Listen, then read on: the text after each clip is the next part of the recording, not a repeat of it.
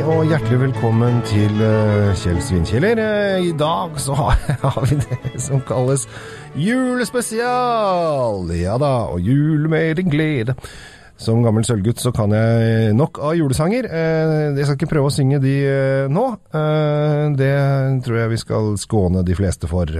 Men vi skal snakke litt om jul og julemat.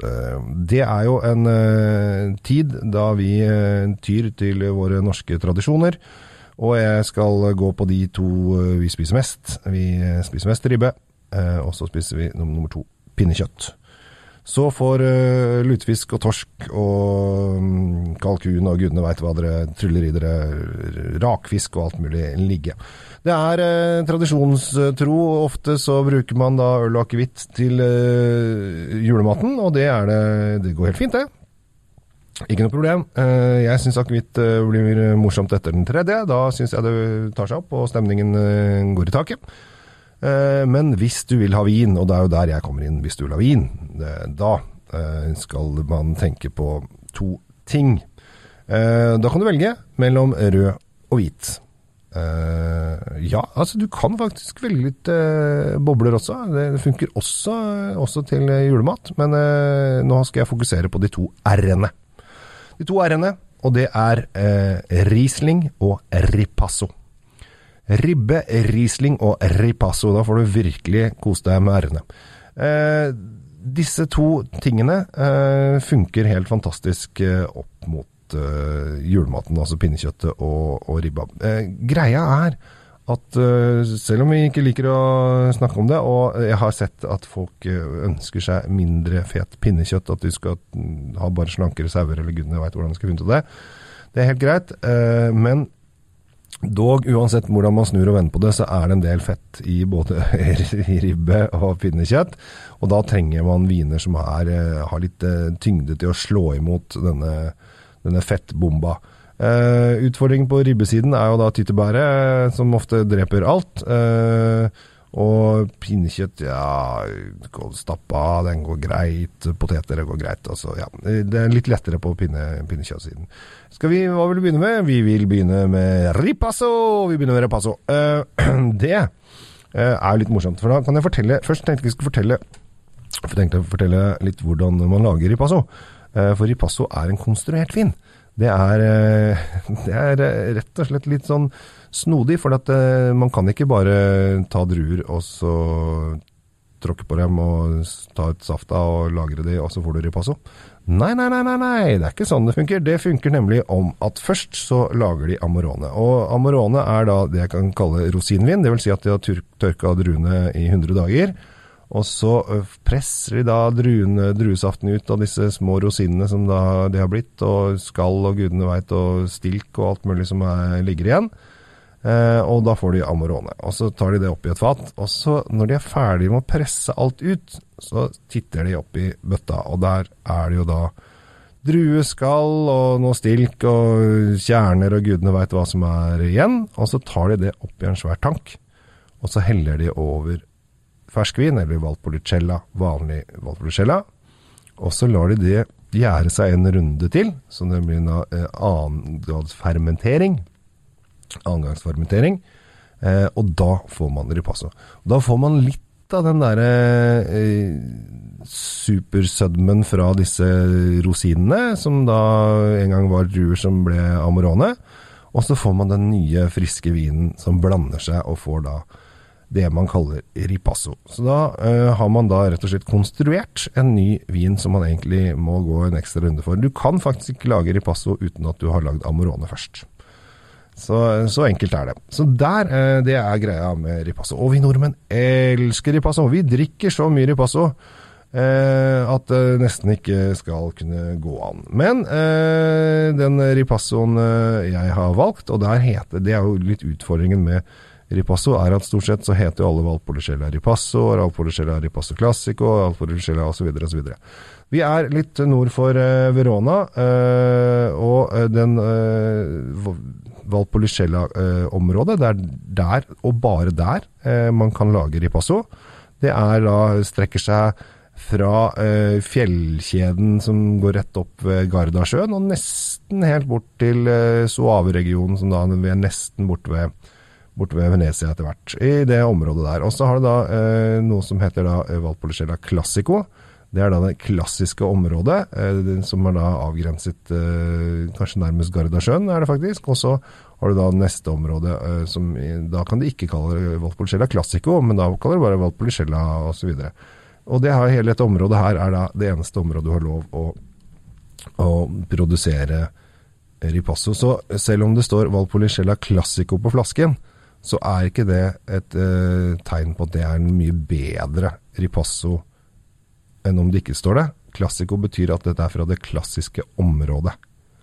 Så ikke la deg lure av at Classico høres fint og fancy ut, uh, for at vinen trenger ikke nødvendigvis ikke være fantastisk god for det.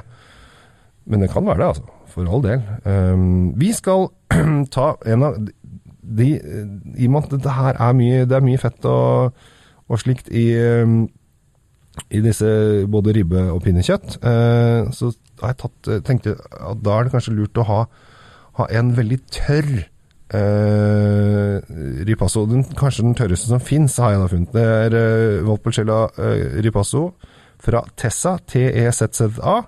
Eh, som koster 160 kroner. Så det er jo en grei vin når man først eh, skal ha det flott på julemiddagen.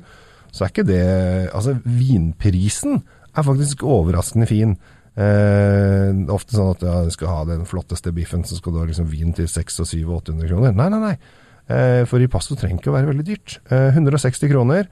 Eh, og det som er litt eh, fint med den her, er at den har ikke vært på fat. Den har ikke den derre sødmen man får uh, og vaniljesmaken man får av at den har ligget lenge på fat, eller har ligget noe på fat i det hele tatt.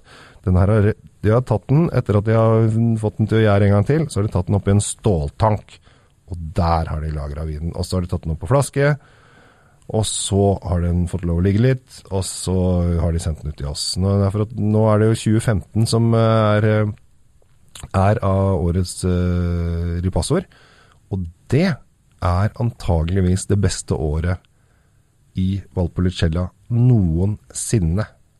Altså, 2015-årgangen er helt fantastisk. 2014 var kjempevanskelig. 2015 er helt fantastisk. Så det er antageligvis de ripassoene vi kjøper til jul i år, de er kanskje de beste noensinne i historien. Så kanskje man skulle kjøpt inn et par flasker ekstra, og latt det ligge litt. Kanskje til neste år og året etter der osv. Men eh, testa sin eh, ganske knusktørr for dere som er opptatt av sukker og sånn. Det er veldig mange som er opptatt av sukker, så er det nesten ikke noe sukker i den. Eh, eller det er ikke sukker, men da eh, sukkersødme, da. Eh, det er flere som bare ja, 'Kan du fortelle meg det?' Jeg har egentlig ikke så lyst til å prate om sukker, for det, det, det, forstyrrer veldig mange som ikke da tenker at 'Å, har de tatt sukker i vin?' Nei, de har ikke tatt sukker i vin men det er sukkerrester. At det er jo druer, dette her, og da er det liksom druesukker osv. Eh, men da syns jeg det kompliserer altfor mye, så jeg gidder ikke å prate om det. Så ferdig, ferdig med den saken. Så eh, Valpolicella Ripasso fra Tessa er eh, en kjempekul vin til julematen. Gjelder både pinne, pinnekjøtt og ribbe. Så skal vi over på eh, Rieslingen. Uh, tysk Riesling uh, på sitt beste finner vi oss Marcus Molitor.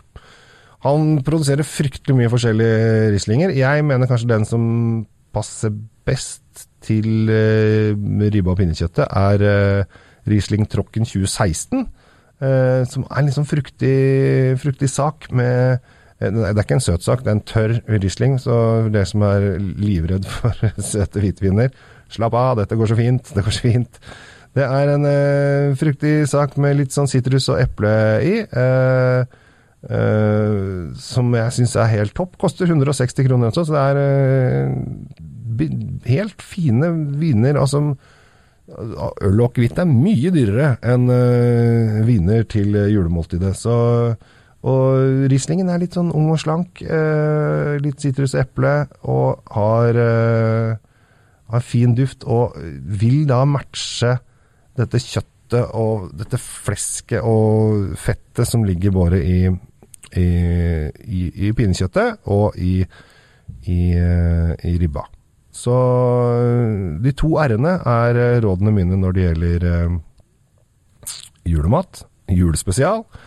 Så da er det 'Og jul med din glede' og 'Barnlig en lyst'. Vi hilser litt vin nå velkommen. Åh, det fant jeg på nå, syns jeg helt flott ut.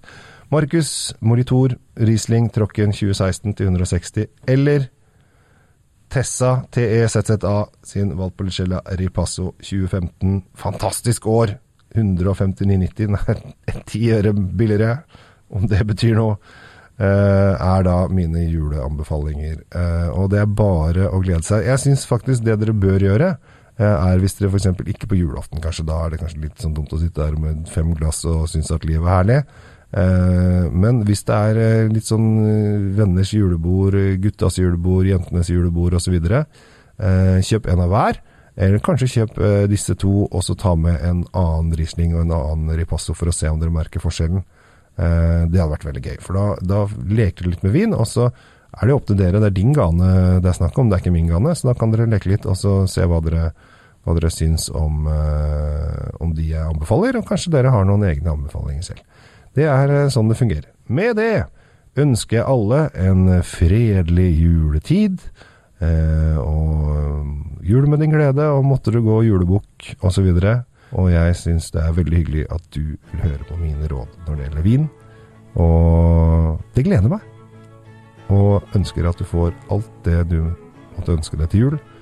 Om det er av verdslige ting, eller om det er av glede og familie. Ta vare på deg selv, ta vare på de rundt deg. Husk at et smil kommer du langt med. Jeg heter Kjell Gabriel Henriks. Tusen takk for meg, og god jul.